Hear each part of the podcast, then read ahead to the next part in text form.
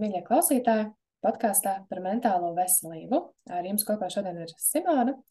Un eh, šodien eh, diezgan tā visam neplānoti mēs runāsim par tādu tēmu, kas saskan arī ar sabiedrībā eh, aktuālu pārraidi, kas ir parādījusies karmas latvieši. Un vēl jau jaukāk mēs runāsim ar psiholoģi Dāju Katrīnu Bitēnu kurai šī tēma ir tuva. Un, uh, ja jūs arī apmeklēsiet viņas Instagram kontu uz vārda Daiga Katrīna, jūs redzēsiet, ka uh, Daiga tur dalās diezgan daudz par šo tēmu, uh, kas kopumā ir garīgā prakse. Un tad šodien mēs runāsim par to, kas ir mentālā veselība un kas ir garīgā prakse, kas man liekas ir ļoti interesanti nosaukumi, jo tie savā ziņā ir diezgan līdzīgi nosaukumi. Jā, bet es aicināšu arī Daigu plašāk pastāstīt, kas ir šīs garīgās prakses. Un uh, nedaudz vairāk iepazīstinot ar to, kas ir Daiga. Daiga ir, kā jūs teicat, klīniskā un veselības psiholoģija, bet arī pētniece. Un, ja es nekļūdos, tad Daiga ir arī publicējusi pētījumu Amerikas asociācijas uh, pē, pētījumu datubāzē. Un Latvijā tas ir tāds liels sasniegums, jo tas nav gluži tāpat kā Delfos ielikt ierakstu. Tas ir diezgan garš process, izveidot pētījumu pēc visiem noteiktajām prasībām. Un vēl saņemt šo akceptu un tikt publicētam šim pētījumam. Tā ka tas ir tiešām apsveicami. Jā, un Daiga ir arī dibinājusi centru IDARTA, kur arī notiekās dažādas ar mentālo veselību saistītas aktivitātes. Noteikti var piesakot arī tur un paskatīties. Jā, tad es aicināšu arī Daigu iesaistīties, un es jautāšu, Daiga, vai tu vari pastāstīt saviem vārdiem, kā tu citam pateikt, kas ir mentālā veselība un kas ir garīgā prakse. Mentālajai veselībai es gan vairāk izmantoju vārdus psihiskā veselība un veselība kā tāda. Uh, Būtībā man gribas teikt, to, ka tā, tas ir stāvoklis, kad cilvēks, es teikšu vienkāršiem vārdiem, nevis definīcijām. Ja? Mm -hmm. Man gribētu teikt, ka tas ir stāvoklis, kad cilvēks ir apmierināts emocionāli, fiziski, psiholoģiski un tiecas uz izaugsmi, garīgo izaugsmi. Respektīvi, ka cilvēks dzīvē ar sevi, ar to, kā viņš funkcionē sabiedrībā, uh, kā viņš tiek galā ar savām emocijām, kā viņš spēj saprasties ar citiem cilvēkiem, ka viņš tajā jūtas labi, komfortā, un viņam ir prieks un dzīves prieks, un viņš spēj baudīt to, ka viņš ir. Tas būtu tādiem vienkāršiem cilvēciskiem vārdiem, neizmantojot tur klasiskās psiholoģijas definīcijas. Manuprāt, tas, mm. tas raksturo tādu psihisko veselību. Jā. Savukārt, ja mēs runājam par to, kas ir garīgā prakse, tad uh, arī ja es, es pateikšu godīgi, ja es meklēju zinātniskajā literatūrā definīciju, man nav izdevies atrast.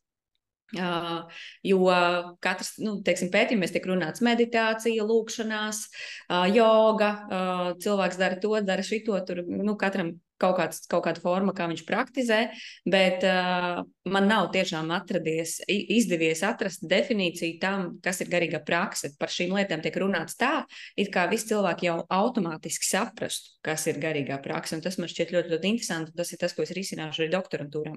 Mēģināšu meklēt šo definīciju un, un šo konceptu skaidrot un kristalizēt.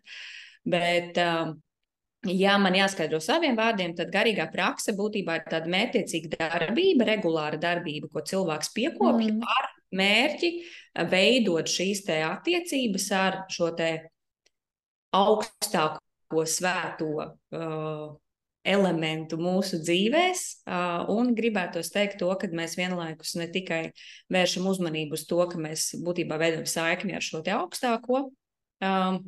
Garīgo lielo spēku, bet mēs eh, tur ļoti lielā mērā ir iekļauta arī attiecību dibināšana un veidošana dziļākā formā, dziļākā kontaktā arī mums ar pašiem sevi. Mm -hmm. Tad no vienas puses, tas, ko es dzirdu, ka uh, garīgā prakse mm, ir mērķiecīga. Tas, ko arī stāsti par to, ka uh, ir aprakstīts, kā to praktizēt. Tad tas redzams, ka uh, praktiski cilvēki to dara, un tas ir tā mērķtiecīgi. Un tad ir tā otra daļa, ka tā ir tāda saikne ar uh, kādu objektu. Un, uh, ja es tā klausos, tad man uh, rodas ideja par to, ka tas ir tādā, tas ir prātā konstruēts. Šis te objekts, ar ko tiek veidot šī saikne, kad uh, tas ir dievs vai augstākais spēks, kas ir tas, kā cilvēki nonāk pie tā, kad viņi uzkonstruē. Un nākamā, nākamais jautājums, domājot par karmas latviešiem, cik tas ir veselīgi un kur ir, kur ir tās robežas un uh, saistībā ar šo mentālo veselību. Uh, kā tas, kā tas veicina cilvēku mentālo veselību, šāda te, uh, praksa, kuru mēs izmantojam, acīm redzot, visi, kā to saka. Protams, ka garīgo praksi var, var veikt mērķiecīgi, regulāri, apzināti. Tas ir viens aspekts. Bet, ja mēs skatāmies uz tādu dzīves realitāti, tad patiesībā ir daudz cilvēki, kas praktizē garīgu praksi, to nemaz nenojaušot. Kam tā ir mm. ikdienas sastāvdaļa, kam tas ir veids, kā viņi funkcionē. Mm -hmm. protams, ka tajā brīdī, kad mēs to apzināmies, ja, ko mēs darām, tad mēs to varam nosaukt vārdos un saprast to, ka jā, iespējams, es patiešām kaut ko praktizēju. Bet uh, vienā daļā gadījumā cilvēks vienkārši var piekopt kaut kādas regulāras rituālas darbības ikdienā, kurā viņš nonāk kontaktā ar šo kaut ko augstāko, ja, kas nu, kā nu viņš, kurā vārdā viņš to izvēlas saukt. Bet uh, iespējams, viņš pat nenojauš to, ka viņš kaut ko praktizē, vai viņš vispār sevi nedēvē par garīgu cilvēku. Arī tā mēdz būt. Mm. Tas mm -hmm. ir uh, viens. Mm. Otrs, prāta konstruktu. Nu, es nebūtu tik. Es nevaru pateikt to, vai tas ir vai nav prāta konstrukts. Okay. Un psiholoģija arī nav zinātne, kurai tas ir jās, jānosaka. Psiholoģija pēta to, kādas ir mūsu attiecības ar to, kā, mēs, kā tas notiek, kāds ir process, kāds ir norises, ko mēs no tā iegūstam, vai no tā mūsu psiholoģiskā veselība no tā uh, mm -hmm. gūst, vai kur tas traucē. Respektīvi, mēs skatām citus aspektus. Uh, mm -hmm. Šis Mans kā psihologa nu, redzējums, es to nevaru atbildēt, vai tas ir prāta konstrukts vai nē. Bet, ja jautā man personīgo viedokli, un te es atkal skatīšu kaut ko bišķiņu, iekāpšu citos lauciņos, jo es, piemēram, nesen klausījos sarunu, es nepateikšu tieši šobrīd ar kuru zinātnieku, bet brīnišķīgu podkāstu par to, cik tālu ir aizgājusi nu, tāda kvantu zinātne. Ja? Tad, nu, pēc būtības Arī es nevaru teikt to, ka tas ir prāta konstrukts, un tas pilnīgi noteikti nav objekts ārpus mums.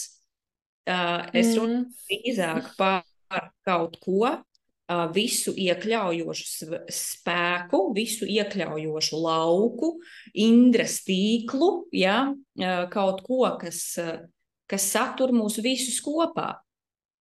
Nevis uh, kaut ko, re, kur es esmu es, Un, un reku, te ir robeža starp mani un to kaut kādu objektu, un tad tur ir tas viņš, tas dievs, tas kosmos, mm. otrs. Mm. Tas jau nav otrs, tas ir tie esam mēs visi kopā. Tā būtu tas tāds mans personīgais redzējums. Ja?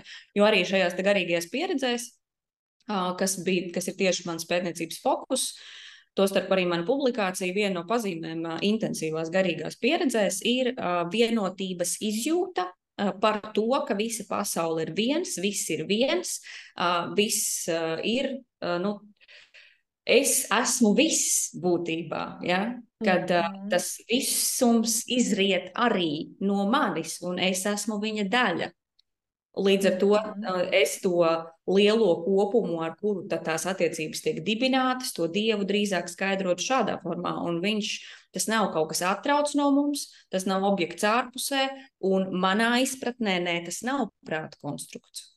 Mm. Mm. Šādi, kad pastāstīja man, sorry, es tevi, es tevi pārtos vienkārši nāca prātā, es lasīju grāmatu, Daniela Sīgela grāmatu, Interpersonal Neurobiology, un viņš tieši tur stāsta, tā tiešām ritīgi superīga grāmata, kur viņš arī pastāsta tādā molekulā, molekulārā līmenī, kā patiesībā viss, ko mēs veidojam, tas mans jautājums, ne? vai tā ir tāda prāta, tā, prāta konstrukts, ko mēs izdomājam, bet uh, tas arī ir kaut kas, kas ir mūsos, kurā gadījumā, un tad viņš tur Rīktīgi forši izstāst, kā vispār mēs veidojam attiecības ar viens ar otru un arī ar, arī ar šīm te, jā, mūsu prāta konstruktiem.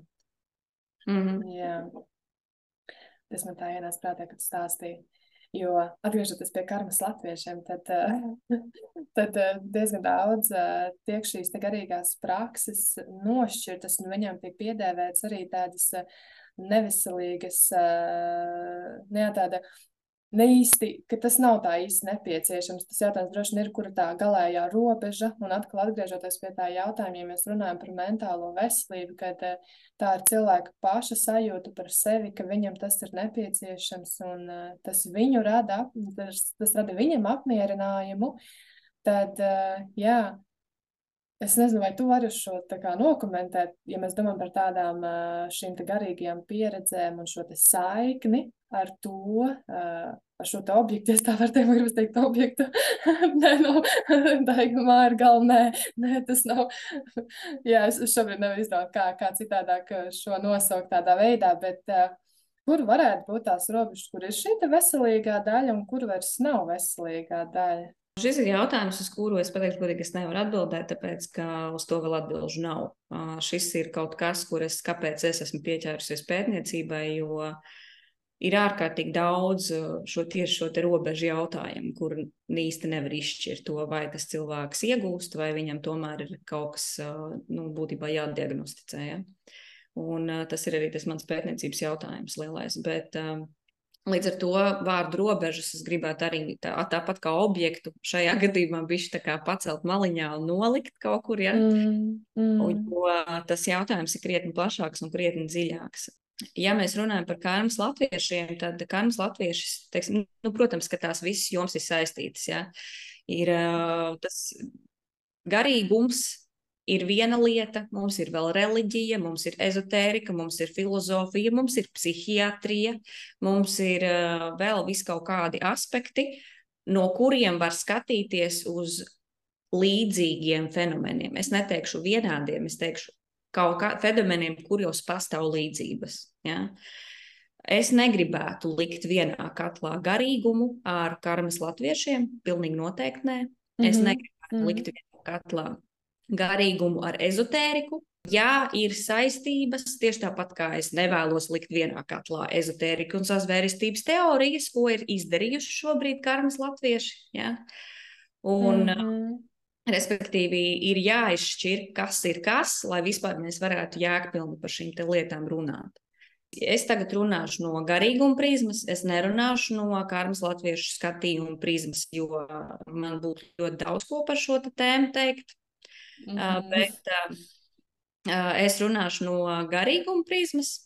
Un, ja mēs skatāmies no garīguma, tad jā, tas viens no iemesliem, kāpēc šis jautājums ir tik ļoti diskutabls un tik ļoti jūtīgs, ir tas, ka um, mums rietumu kultūrā ir pierasts domāt, un tas ļoti lielā mērā nāk ar tādiem vēsturiskiem pētījumiem, vēsturisku ietekmi no zinātnes, Jā. ir, šie garīgie fenomeni vienā daļā gadījumu patiešām liecina par to, ka cilvēkam uh, ir uh, grūtības kaut kādā veidā, nu, psihiskas grūtības, psihiskas veselības grūtības.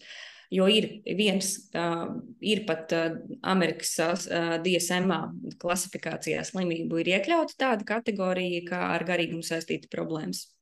Ir tāds apstākļus, un tieši tāpat uh, ir arī šīs garīgās pieredzes. Viņas patiešām spilgtas, intensīvas garīgas pieredzes, viņas ir uz robežas ar uh, psihozi. Pēc būtības viņas pēc tā, kā viņas izpaužas, uh, to, kā viņas, kas, cilvē, kas ar cilvēku viņās notiek, ļoti lielā mērā līdzinās akūtam psih, psihotiskam stāvoklim. Ja?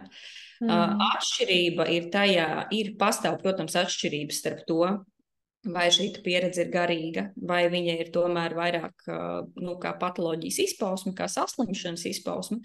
Ir vairākas atšķirības, kā to var nošķirt. Par to ir arī pēdējos gados diezgan daudz pētījumu, kā tad, kā tad pie, piemēram, profesionālam, ja, pie kura atnāk cilvēks ar sūdzībām par to, ka viņam kaut kas notiek, kaut kas šāds, kā tad viņam izšķirt, vai viņam ir, vai viņam ir intensīva garīga pieredze, vai, viņš, vai viņam mhm. tomēr ir nepieciešama nu, palīdzība medicīniski. Un uh, tas uh, būtiskākais apstākļus, ko man ļoti, ļoti gribētos minēt, ir kā saprast, um, kur cilvēks virzās, ir tā, pēc tā, cik labi šis cilvēks spēj šo pieredzi pēc tam integrēt, vai viņš spēj viņu adaptēt savā ikdienā, vai viņš spēj atnākt atpakaļ pie realitātes, pie kontakta realitātes, pie normālas funkcionēšanas, vai viņš spēj izdarīt jēgpilnus secinājumus par to, ko viņš ir pieredzējis, vai viņš spēj to integrēt, iekļaut savā ikdienā tā, lai tas, ko viņš ir piedzīvojis, lai viņam palīdzētu, mm -hmm. lai viņš no tā iegūtu resursu. Jā, nu tas mm -hmm. ir ļoti, ļoti būtiski. Um, līdz ar to, jā, protams, tad, kad mēs runājam par garīgumu, ir jāsaprot to, ka ne viss, kas izskatās pēc garīguma, patiešām ir garīgums, jo vienā daļā gadījumā mēs varam runāt par to, ka uh, cilvēks ir um, saskāries iespējams ar kādu psihisku, um, viņam ir psihiski saslimšanas simptomātika.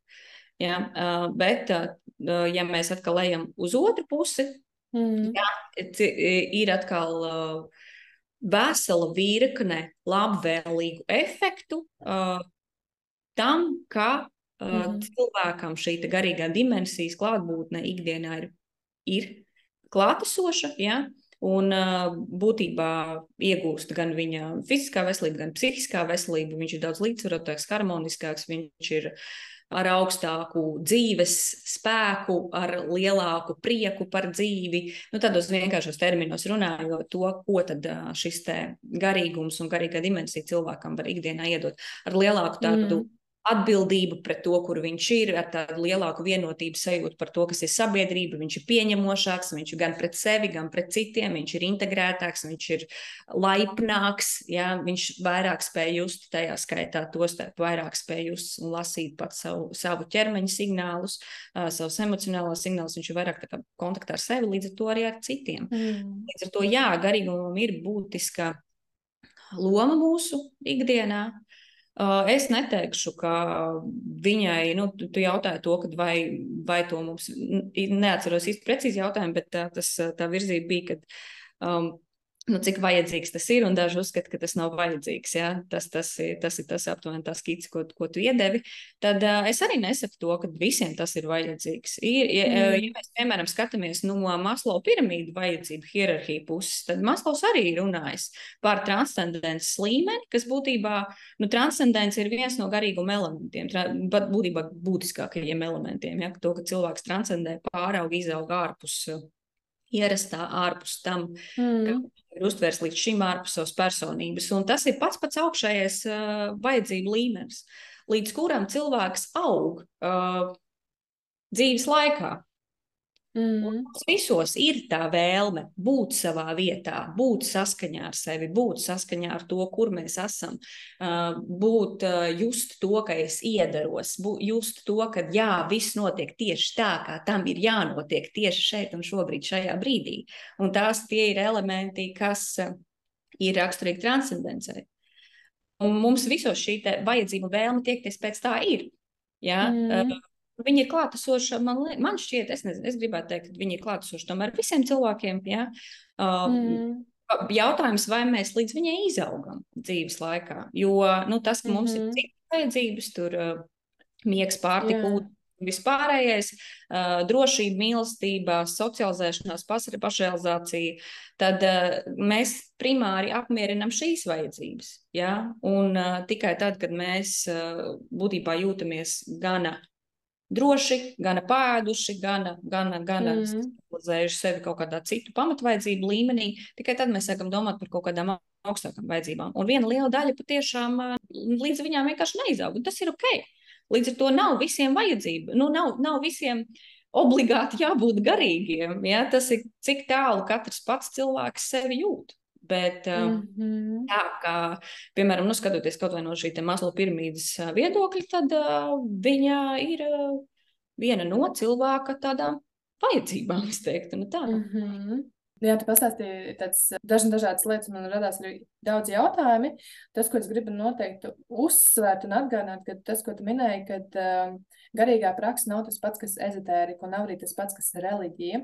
Un uh, savā ziņā domājot par tādu nosaukumu kā tādu, tad varētu rasties tā sajūta, ka uh, tie, tie ir kaut kādā ziņā viens ir tas pats, bet uh, ar šiem te, eh, tādiem eh, darbībām vai filozofiem, man gribētos teikt, ir eh, katram savs tāds mērķis un arī noteikti savs iznākums, ja cilvēks šo te praktizē vai tas ir tāds vērtības sastāvdaļa, man gribētos teikt. Tas vēl, kas man ienāca prātā un ko es domāju, kamēr tu runāji, bija, kad tu, tā kā es sākumā teicu, ka, nu, tā kā man gribējās ideja, kā, ka tas ir objekts, kad garīgā prakse ir caur tādu tā kā objektu, un tad mēs tā kā augam un attīstāmies, bet kamēr stāstīja, man radās tā vairāk skaidrība par to, ka tā ir tāda iekšējā sajūta un saiknes starp dažādiem šiem te, atkal gribas teikt vārdu objektiem, bet, eh, ja es pareizi to izpratu, tas var būt gan caur objektiem, gan uh, caur dažādām praksēm. Tas, ko sākumā minēja, tā būtu arī joga vai meditācija, bet tas ir vairāk par to izaugsmu, par attīstību, par tādu savas,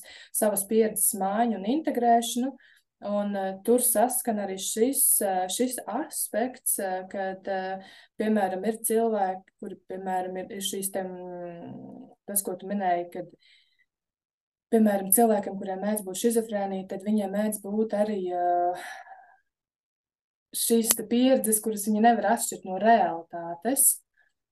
Un, jā, ka tās robežas arī ir tādas plānas. Es tev vēlējos jautāt, vai tu varbūt tās vari ar kādu piemēru pastāstīt, kurā gadījumā šī garīgā praksa, ko cilvēks praktizē, var norādīt, kad, ka tas viņam ir palīdzoši un attīstoši, un kurā gadījumā būtu tie aspekti, kas parādītu, ka tas vairāk tā nav tāda veselīga, garīgā praksa, bet drīzāk tā jau ir vairāk, jā, kāda tāda neveselīga vērtība, vērtību sastāvda, var tās tā kā, kas vairāk piedrētos, man, man gribētu teikt, tā kā piezitērijas, kas, kas nav tās tāda zinātniska praksa, bet uh, var sasniegt ļoti līdzīgi ar tādām garīgajām praksēm un izskatīties līdzīgi. Bet, eh, jo tas, ko es domāju, kāpēc šo jautāju, kamēr stāties atcerēs, kāpēc man bija šis jautājums, kāpēc viņu pierakstīju. Tāpēc, kad eh, tad, kad bija Covid, tad ļoti varēja redzēt, ka Uh, jā, sadalījās dažādi, dažādas šīs nometnes, un uh, bija šīs nometnes, kuras arī, piemēram, praktizē, teiksim tā,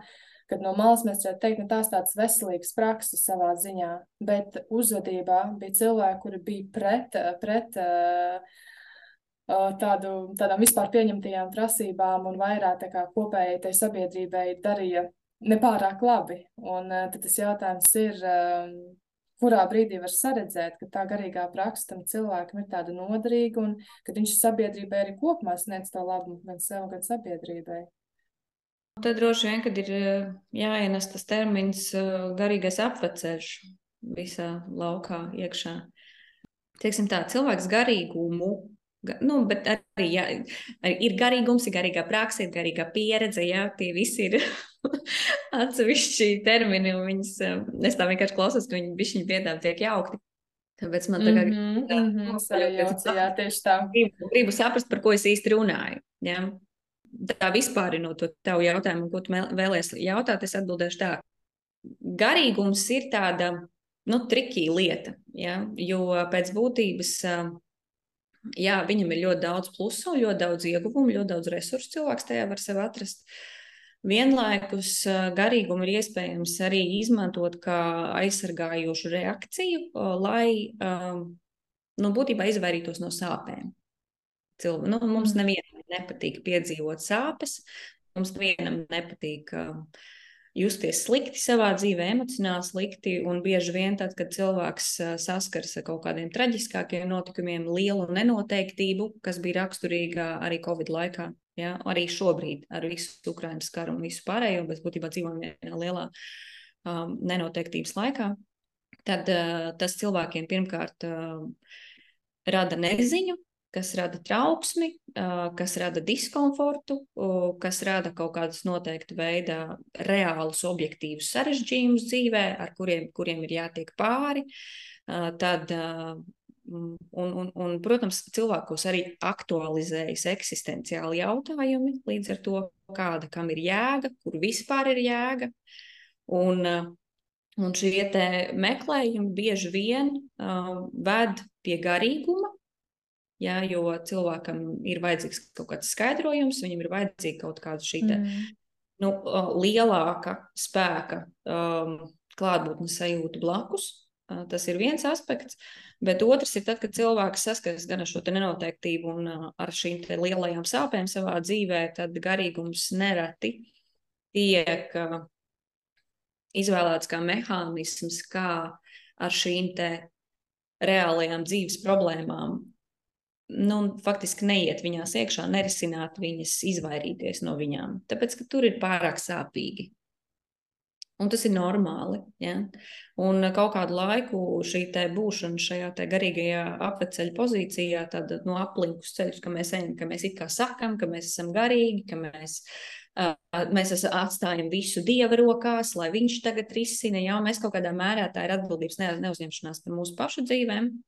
Mm. Uh, ilgtermiņā tas var atstāt arī tādas negatīvas sakas, tas var padziļināt negatīvos stāvokļus, depresīvos stāvokļus, tas var aizvest pie atšķeltības no sevis un no sabiedrības. Tas var raisīt konfliktus par to, nu, jo līdzcilvēki var arī nesaprast, kāpēc cilvēks pēkšņi pievēršas ļoti izteikti garīgiem vērtībām, būtībā atraujas tādā veidā no realitātes. Ja?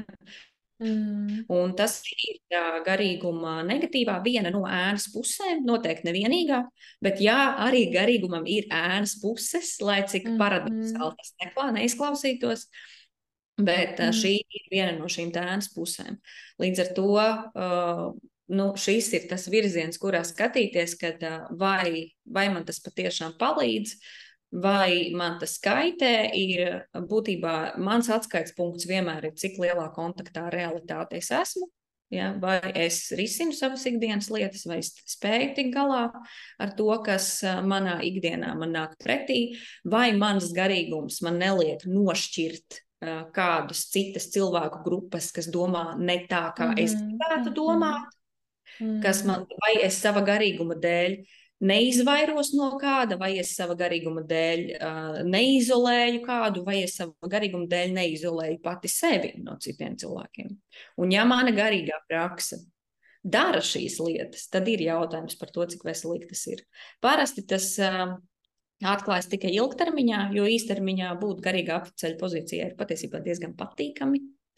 Ja, bet uh, ilgtermiņā tas uh, nu, tās sekas ir atšķirība. No citiem, izolācijas sajūta, depresīva stāvokļi, konflikti ar līdzcilvēkiem, kontakta zaudēšana pašam ar sevi, savu tādu emociju būtībā izslēgšana, atslēgšana un tāda dzīvošana tādā mazliet tādā eksaltētā stāvoklī, par to, ka es jau redzu te garīgs. nu, tā. Mm -hmm. un, tā, un, un, tā, un, un te ir būtiski saprast to, ka tā ir aizsardzība. Tas ir veids, kā pasargāt sevi. Un kaut kādu laiku iespējams cilvēkam tas var būt vajadzīgs. Līdz ar to to nevajag arī noniecināt un teikt, ka Dievs šitais ir garīgajā apceļā, jā, nu šito nedaram lūdzu. Jo mm, iespējams šī stāvoklī ir vajadzība būt, jo lai uzkrātu resursu, lai uzkrātu iekšējo spēku, lai vispār spētu atgriezties tajā realitātē un spētu tikt galā ar tām problēmām, ar kuras, kuras viņam tajā dzīvē nāk pretī. Tā kā tam ir katrai lietai ir sava funkcija, Katrai lietai ir sava pozitīvā puse, katrai lietai ir sava ēnas puse, un vienkārši ir jāmeklē veidi, kā to visu menedžēt. Tā ir tiešām aizraujoši klausīties, kad stāsti par šo, šādu skatu punktu, un tiešām tik konstruktīvi un detalizētu izskaidro arī jā, vairāk šīs garīguma fāzes, gan tajā pozitīvajā, gan arī negatīvajā, un pat tajā, tajās ēnas pusēs, saucot, ka tajās ēnas pusēs arī ir sava nozīme, sava vajadzība, bet ļoti svarīgi, ka tomēr jā, tas cilvēks nepaliek tie ēnas pusē, jo nu, tā tas pa tādu ķēdīti, bet drīzāk kā tāds sniega bumburu var aizvelties arvien, arvien tādā dziļākā atkal depresijā un jā, tādā atslēgšanās no sevis, no pasaules. Un, protams, tas atkal ir laiks, lai šie cilvēki atgrieztos atpakaļ un būtu kontaktā ar citiem, ar sevi un arī ar citiem. Jā, tu minēji par to, ka uh, savā ziņā šī garīgā prakse, tās ēnas puses daļa ir tāda, ka kādam tiek piešķirta lielāka vara. Un uh, no otras puses, uh, es esmu dzirdējis arī, ka mēdz teikt, ka uh, cilvēki, kur izjūt vai veido, izjūt sevi, tā, sevi kā garīgu, tad arī viņi izjūt, ka viņi, viņiem ir uh, kaut kas, kas piešķir to lielāko spēku pašiem. Un ka, kā, ka viņi jūt, ka ir tas lielākais spēks, bet viņi paši ir tas lielākais spēks arī tajā pašā laikā. Un es domāju atkal par to, par, par veselīgo un neveselīgo pusi, kurā brīdī tas, tas ieskanās tā, ka tas var būt veselīgi un kurā, ka nevar. Un manā prātā domāju, tas, es, es pat neredzu, kur, kur vispār varētu būt tās robežas. Jo no abā, abos gadījumos tas fakts kā tāds, manuprāt, ja cilvēks izjūt to, kad, ka viņš ir spējīgs un kad, ka pasaule viņam dod un kad pasaulē ir kaut kas tāds lielāks un spēcīgāks un varenāks un tas kaut kādā ziņā ir ar viņu kopā un dod viņam to spēku Jebkurā gadījumā tas pozitīvi izklausās. Bet atkal jautājums par to, kā tas, kā tas parādās tajā sabiedrībā. Un, jā. nu, zinātnē to sauc par garīgu narcismu, laikam, ko tu gribi dzirdēt no manis. Um, ir, um, Protams, ka tas, ka mums ir tas, tas ir tas, kas mums dod to resursu, tas, ka mēs jūtam to lielāku spēku klātbūtni sevī, blakus mums vai kur nu kurš viņu jūt. Ja? Un tas patiešām ir ārkārtīgi daudz. Uh, Un tas iedod to drāvu un to spēju darīt un iet pa, iet pa dzīvi un paļauties uz savu intuīciju, paļauties uz nezināmo. Ja mēs uh, jūtam to, ka mums blakus vai mūsos uh, ir kaut kas uh, lielāks, par mums pašiem, mūsu iekļaujošs, mūsu iespējams kaut kādā veidā sargājošs, ja tas iedod to netveramo drošības sajūtu. Un tas, protams, viennozīmīgi ir resurss. Bet uh, tas, kur tu ieskicē to, kad, uh, nu, kā tas var izpausties kaut kādā ne, neveselīgā formā, un es atkal gribētu palikt maliņā to vārdu robežas, jo arī atkal tieši tāpat kā, piemēram, to šo spiritual bypassing, mm. bērns pusēm ir savas pozitīvās puses un otrādi, ja? un mm. es vispār esmu par tādu vairāk iekļaujošu pieeju nekā, mm. nekā dalīšanu, šis labi, tas mm. slikti robeža te, robeža tur. Jā, tas, eh, tas ir diezgan tādā pretrunā ar to, ko es, par to, ko es runāju. Jā, mm. Jo garīgums tomēr ļoti lielā mērā ir par iekļaušanu. Tur, kur tas var izpausties vairāk tādā negatīvā formā, ir tad, kad cilvēks, protams, robežas ir veselīgas, psihiskās veselības pazīme, ja? veselīgas robežas, to neviens neatceras. mm. Bet tieši šajā kontekstā es tomēr negribētu, negribētu ļoti tur šķirt un dalīt, ja? kas ir kas. Uh, sludina savu garīgumu kā vienīgo pareizo patiesību. Un tā varbūt ir tā riska zona. Un tā ir narcistiska iedaba cilvēkam. Un ir pat tāds termins, garīgais narcisms, un, protams, loģiski šie cilvēki parasti ir ļoti arī harizmātiski. Ļoti tādi uh, ievelkoši. Parasti, ja viņiem vēl ir dotas oratoru dotības, ja, vai rakstīšanas dotības, vai kaut kādā veidā citās savas prezentācijas dotības, viņi ir vēl pie tam arī fiziski pievilcīgi, ja, tad loģiski, viņiem veidosies sekotāju pūļi, sekotāju bari, vienam pa vienam, pa vienam, pa vienam vēl. Un, Un to sekotāju lokā parasti savukārt ir pilnīgi pretēji.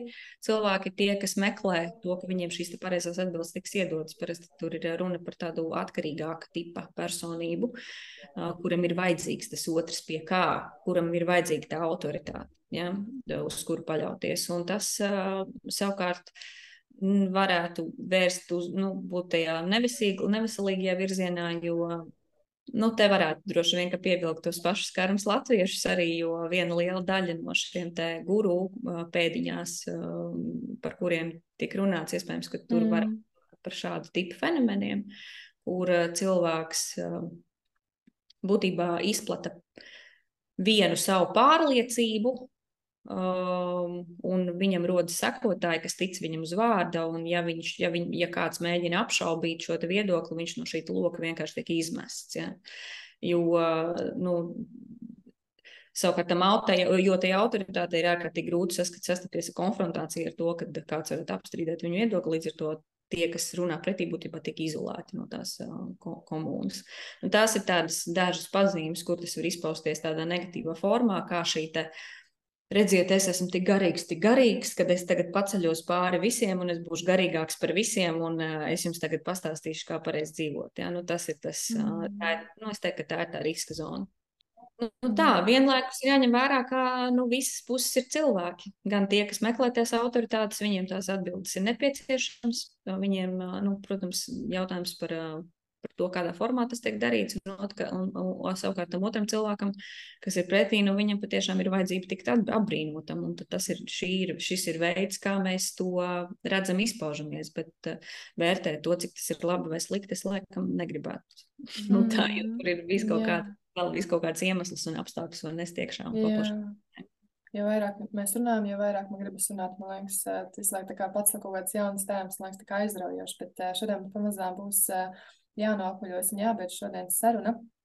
Man liekas, tas, ko teici, kad tāda spēcinoša doma, kad tā sajūta, kad pasaulē ir kaut kas tāds lielāks spēks, tāda lielāka spēka klātesamība, ka tā ir patiesībā tāda veselīga sajūta, ka tu vari paļauties uz tādu nenoteiktību, uz to, ko tu patiesībā nezini. Jā, tas priekš maniem tāds šobrīd liels atklājums un patīk to dzirdēt. Un tas, ko tu minēji arī par to, ka ir tā otra daļa, kad ir cilvēki, kuri tā neveselīgā robeža, kad cilvēki sāk pieņemt, ka šī te uh, lielākā spēka klātesamība iedod tādu autoritāti būt lielākam par citiem. Un uh, man uh, Atavas atmiņā filmu, kuras skatījos Netflixā, iesaku noskatīties par šo stāstu, kad vīrietis ginekologs uh, viņš bija sajūtis, ka viņš ir, viņam ir lielākais spēks, un viņš veica mākslīgu apaugļošanu ar savu spermu, un viņš apaugļoja vairākas sievietes, ļoti lielu skaitu, ap 400. Jā, un nu, tas bija stāsts par, tieši par šo. Un šī noteikti ir tā pilnīgi neveselīgā daļa, kur, kur var aiziet tā sajūta. Jā, tā saruna beidzas, bet es gribu pajautāt vienu jautājumu.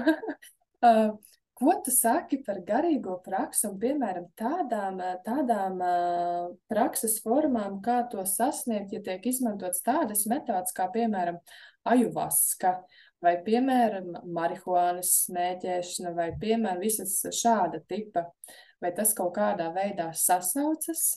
Uh, psihoaktīvās vielas, respektīvi. Ja? Jā, uh, psihoaktīvās jā. vielas ir, pirmkārt, es sākšu ar to, ka Latvijā psihoaktīvās vielas ir aizliegtas. Jā. Ja?